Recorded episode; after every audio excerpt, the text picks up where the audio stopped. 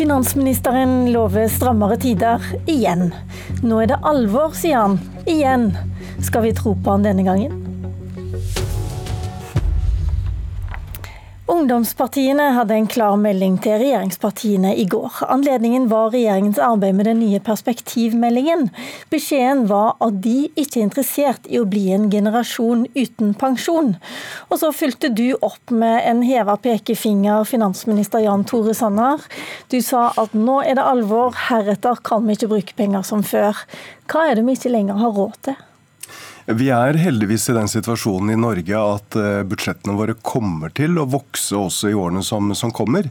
Eh, men vi vet at, uh, unnskyld, at oljeinntektene de kommer etter hvert til å gå ned. Eh, det blir også færre yrkesaktive per pensjonist. Eh, hvis vi går tilbake til da folketrygden kom, så var det fem yrkesaktive bak hver pensjonist. Eh, mens når ungdomspartilederne i dag blir pensjonister, da vil det bare være to og en halv. Så Derfor så handler det om at vi må få flere i arbeidsfør alder til faktisk å jobbe. Eh, for det er arbeid som skaper velferd. Så må vi forberede oss på at vi må stå lenger i jobb for å få samme pensjon. Og så må vi effektivisere offentlig sektor. Der har vi allerede satt i verk viktige tiltak. Eh, Nye Veier f.eks. kutter vi kostnader med 20% Konkurranseutsetting i jernbanesektoren bidrar til milliardbesparelser. Og og neste, i år så moderniserer vi også kemnerkontorene, som både gir mer effektiv kamp mot svart svart arbeid, eh, og vi sparer 370 millioner kroner hvert år. Og så må vi nok og også, når vi skal putte lange... nye, nye, ja. hvis vi skal putte nye ting inn i budsjettet, så må vi også være villige til å ta noe ut. For vi kan ikke fortsette med bare å legge nye satsinger oppå de gamle. Vi må prioritere tøffere. Norge blir likere mange andre land. Av den lange lista av ting du sa nå, det eneste jeg egentlig klarte å identifisere som et slags kutt, eller som en endring vi ikke kan tillate oss, det er i så fall å, å slutte av å gå av med pensjon såpass tidlig som nå? Det er noe av det aller viktigste. Det er arbeid. Eh, for vi vet at det er arbeid som bærer velferden vår. Faktisk så utgjør eh, arbeidskraften den utgjør 80% av nasjonalformuen vår. Vi snakker jo ofte om, om oljeinntektene. Oljeinntektene betyr mye for pensjon, det betyr mye for budsjettene, men arbeidskraften er faktisk enda viktigere. Så det å sørge for at ungdom fullfører videregående skoler slik at de kommer i jobb, eh, at vi får flere av de som i dag er på deltid til faktisk å jobbe heltid, eh, at folk står lenger i arbeid, det er det som virkelig betyr noe for å sikre velferden, for å sikre pensjonen fremover. Men vi vet også at de store utgiftene de går til å finansiere velferdsstaten. Du har vært i en regjering, og du sitter i en regjering som har økt kontantstøtten, som har økt barnetrygden, og ikke vært interessert i det hele tatt å røre f.eks. sykelønna. Er det noe du tenker at nå må dere se nytt på det? Nå er det jo faktisk slik at Hele venstresiden har jo snakket om at vi kutter veldig mye i budsjettene. Eh, og vi stiller jo bl.a. et effektivitetskrav til staten som gjør at vi frigjør 1,7 milliarder hvert år. Det, det kan finansiere 1300 eh, sykehjemsplasser. Nei, jeg tror ikke, jeg tror ikke sykelønnsordningen er, er veien. Men vi må også se på hvordan vi kan styrke arbeidslinjen fremover. og Der har vi tatt et viktig grep i år. Eh, for det viste seg at vi hadde en trygdefelle for, eh, for, unge folk, som bidro til at de som gikk på arbeidsavklaringspenger under 25 år, kunne få mer trygd enn det ungdom kunne få i arbeid.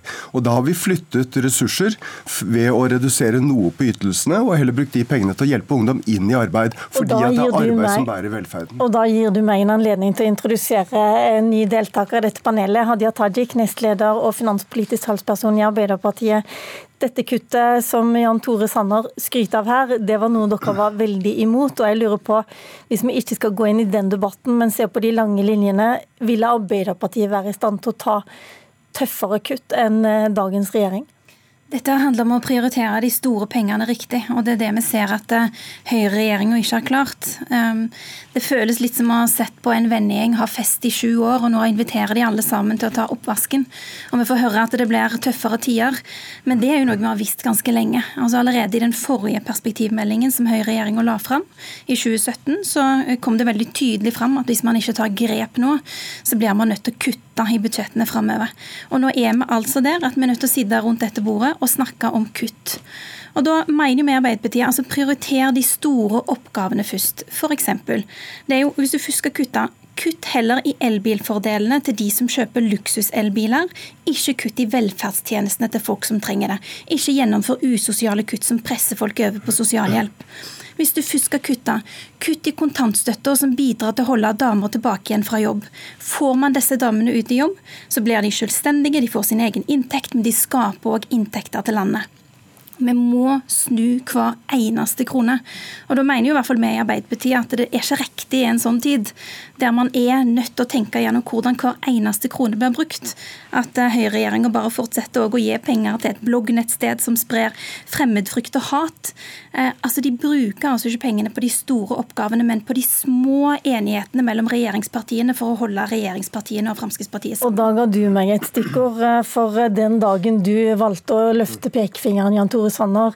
Det var eh, omtrent et par timer etter at dere fant halvannen milliard ekstra å gi til pelsdyrbøndene, mm. i tillegg til det dere egentlig hadde tenkt. Ja, og det har vært en diskusjon over, over lang tid. Eh, det er klart at når... Men hvordan syns du spareplanene dine går? Ja, nå er, det, nå er det jo forskjellen mellom en engangsutgift, som det en kompensasjon for nedleggelse av en hel næring innebærer, og det å eh, putte nye ordninger inn i statsbudsjettet som innebærer varige eh, økte, økte, utgifter. Men jeg bare får lov til å si det at det den utgiften som du kom opp med i går, det var omtrent like mye som det det koster, eh, som det du skrøt av på kvelden, at dere har spart inn på ABE-reformen og kuttet i offentlige sektor. Ja, nå er det jo slik at, at at det effektiviseringskuttet som vi gir til, til, staten, det er et kutt som gjelder hvert eneste år. I løpet av ti år så innebærer det 17 milliarder kroner, og det gjør at vi kan prioritere midler til viktige formål, enten det er utdanning, samferdsel eller å satse på barne, barnefamiliene. Men det er klart at når, vi, når Stortinget har vedtatt å legge ned en næring, slik man har gjort i pelsdyrnæringen, så har jeg også forståelse for at du må ha en kompensasjon til de som må gå over i annet, annet arbeid. Og så har det vært en diskusjon om hvor mye som skal gis. Ok, og så til hovedspørsmålet som er hvor flinke er dere egentlig til å kutte på de rette tingene? Ja, jeg mener at, eh, at vi gjør en viktig jobb eh, der, og at vi eh, sørger for å prioritere penger til de store, viktige formålene, som er å satse på, eh, på samferdsel, på, på utdanning, på, på, forskning, men også å sørge for å løfte de gruppene som faller utenfor. Vi har fått en stor satsing på rus og psykisk helse, og det handler jo også om at mennesker må få hjelp til å komme inn i arbeid. Eh, vi må legge til rette for at flere kan, kan, kan jobbe, jobbe, fremover. Men la meg bare få, la meg få legge til at Hadia Tajik, dere vil også bruke disse halvannen milliardene på, på, til pelsdyrbøndene, sånn at det er sagt. Er det noe som tyder på at dere ville vært flinkere til å spare? Vet du hva, dette handler om rettferdighet. Altså I dag så har høyreregjeringa brukt nesten 1 milliard kroner på skattekutt til bare de 1000 rikeste i landet. Og det det betyr er at Hvis man bare dropper det der, så klarer man å dekke inn det aller meste av den summen som trengs for å gi pelsdyrbøndene rettferdighet. Dette er helt vanlige arbeidende familier som opplever at staten legger ned levebrødet deres, og som trenger kompensasjon for det. Da må man prioritere det, og ikke skattekutte de rikeste. Ok, Cecilie Langen Becker, du er økonomikommentator her i NRK. Og Jeg har bedt deg være med i Politisk kvarter i dag fordi at så lenge jeg kan huske, så har finansministeren sagt at nå nå må vi faktisk begynne å kutte. Nå må vi ikke bruke like mye penger som før. Er det noen grunn til å tro mer på det denne gangen? Eh, jeg vil si tja. Altså, hvis vi skal ta det kortsiktige først, fordi det var ganske mye sånn kortsiktig diskusjon her, så hører man jo ikke så veldig mange konkrete eh, kutt. og Hvis man spør økonomene, da, eh, som er de jeg kanskje snakker mest med, så, så frykter man jo at denne mindretallsregjeringen da vil, vil ha enda vanskeligere for å holde budsjettdisiplin. Så, så spør man dem, så er det stor, knyttet, stor spenning knyttet til hvordan man skal klare å holde igjen nå når dere skal legge frem en nytt statsbudsjett eh, til høsten. Det jeg kanskje savner litt i denne diskusjonen her, er jo eh, kanskje ikke snakke om budsjettet som skal legges frem til høsten og det, de kortsiktige linjene, men de langsiktige linjene. Eh, fordi det kommer jo til å bli færre jobber relatert til oljevirksomheten fremover. Vi må omstille norsk økonomi. Og hva slags plan eh, er, legges for å få til eh, det? Eh, foreløpig så, så, så, går det bra. Oljeinvesteringene er fortsatt kjempehøye. Det holder liv i norsk økonomi. Men hva er planen når vi ikke lenger har et høyt nivå hvis vi skal ta disse to partiene som er representert her, så er det ingen her som vil bremse noen oljeinvesteringer. Ja, nå kom to i fingre opp samtidig her. Men kan nye oljeinvesteringer redde oss?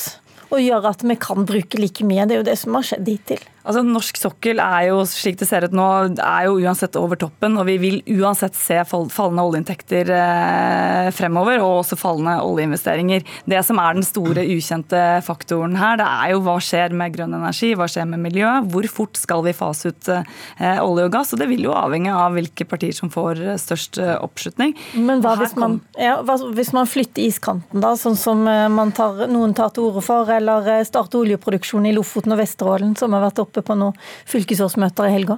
Ja, det er jo ikke sikkert at det å flytte iskanten vil være det som på en måte eh, vipper hele balansen her. Vi må huske at, eh, at altså, Barentshavet sørøst ble tildelt i 2016. Eh, hvis du snakker med hvilken som helst finansanalytiker, så sier de at dette har vært en gigantisk skuffelse. Det har vært tomme brønner og veldig lite olje. Så snakker man med folk i bransjen, med analytikerne, så er ikke iskanten så viktig lenger som det kanskje var, bare for noen år siden. Og det at den bransjen kjemper mot å flytte eh, iskanten sørover, handler mer om eh, prinsippet enn noe annet. Og at man er redd for at hvis man da gir etter og går med på det og ikke kjemper mot det, så, så kan andre områder også forsvinne i det dragsuget. Dette betyr, sånn som jeg forstår det da, Cecilie Langen Becker, at eh, det er lite penger å hente på nye oljeinvesteringer også, i hvert fall i de politiske debattene som vi har oppe akkurat nå om dagen. Og Da er jo spørsmålet Jan Tore Sanner, hvordan skal du få flere folk i jobb og mer skattepenger inn? Mm. Det er nettopp det perspektivet som, som, du trekker opp, som gjør at jeg altså nå sier at nå er det alvor. Eh, for vi har i mange år snakket om at nå blir det flere pensjonister, eh, færre i yrkesaktiv alder. Oljeinntektene kommer til å gå ned. Nå er vi der. Og Det er derfor vi må trekke opp denne, denne diskusjonen. Så er det slik at Norsk økonomi har blitt mindre oljeavhengig, i den forstand at oljeinvesteringen betyr mindre for totaløkonomien. Og Det eh, er fordi at man har fått opp andre andre, andre, andre næringer. Eh, og vi ser jo at i norsk arbeidsmarked så er det etterspørsel etter arbeidskraft. Det er slik at norske bedrifter de mangler kompetanse. De mangler eh, arbeidskraft. Bedriftene etterspør flere. Eh, og Da er det vår jobb å sørge for at vi både gjennom utdanningssystemet at vi bidrar til at flere ungdom fullfører og består videregående skole. Når vi snakker om de lange perspektivene, én av fire klarer ikke å fullføre videregående skole i løpet av fem år. Skal vi sørge for at flere unge mennesker kan komme ut i arbeid, ja, så må vi også bidra til at flere fullfører videregående, får et vitnemål, kan studere videre, eller, eller fagbrev. Men hva skal de læres opp til, lurer jeg litt på da, Hadia Tajik. Hvis vi da får flere til å fullføre videregående skole, hvilke jobber eh, er det som skal skape framtida? Jeg tror vi må ta mer inn over oss at lønnsomheten i det som har vært den viktigste sektoren vår, kommer til å gå ned. Og hvis vi skal klare å kompensere for bortfallet av olje- og gassinntektene framover, så er vi nødt til å doble eksporten fra fastlandsindustrien.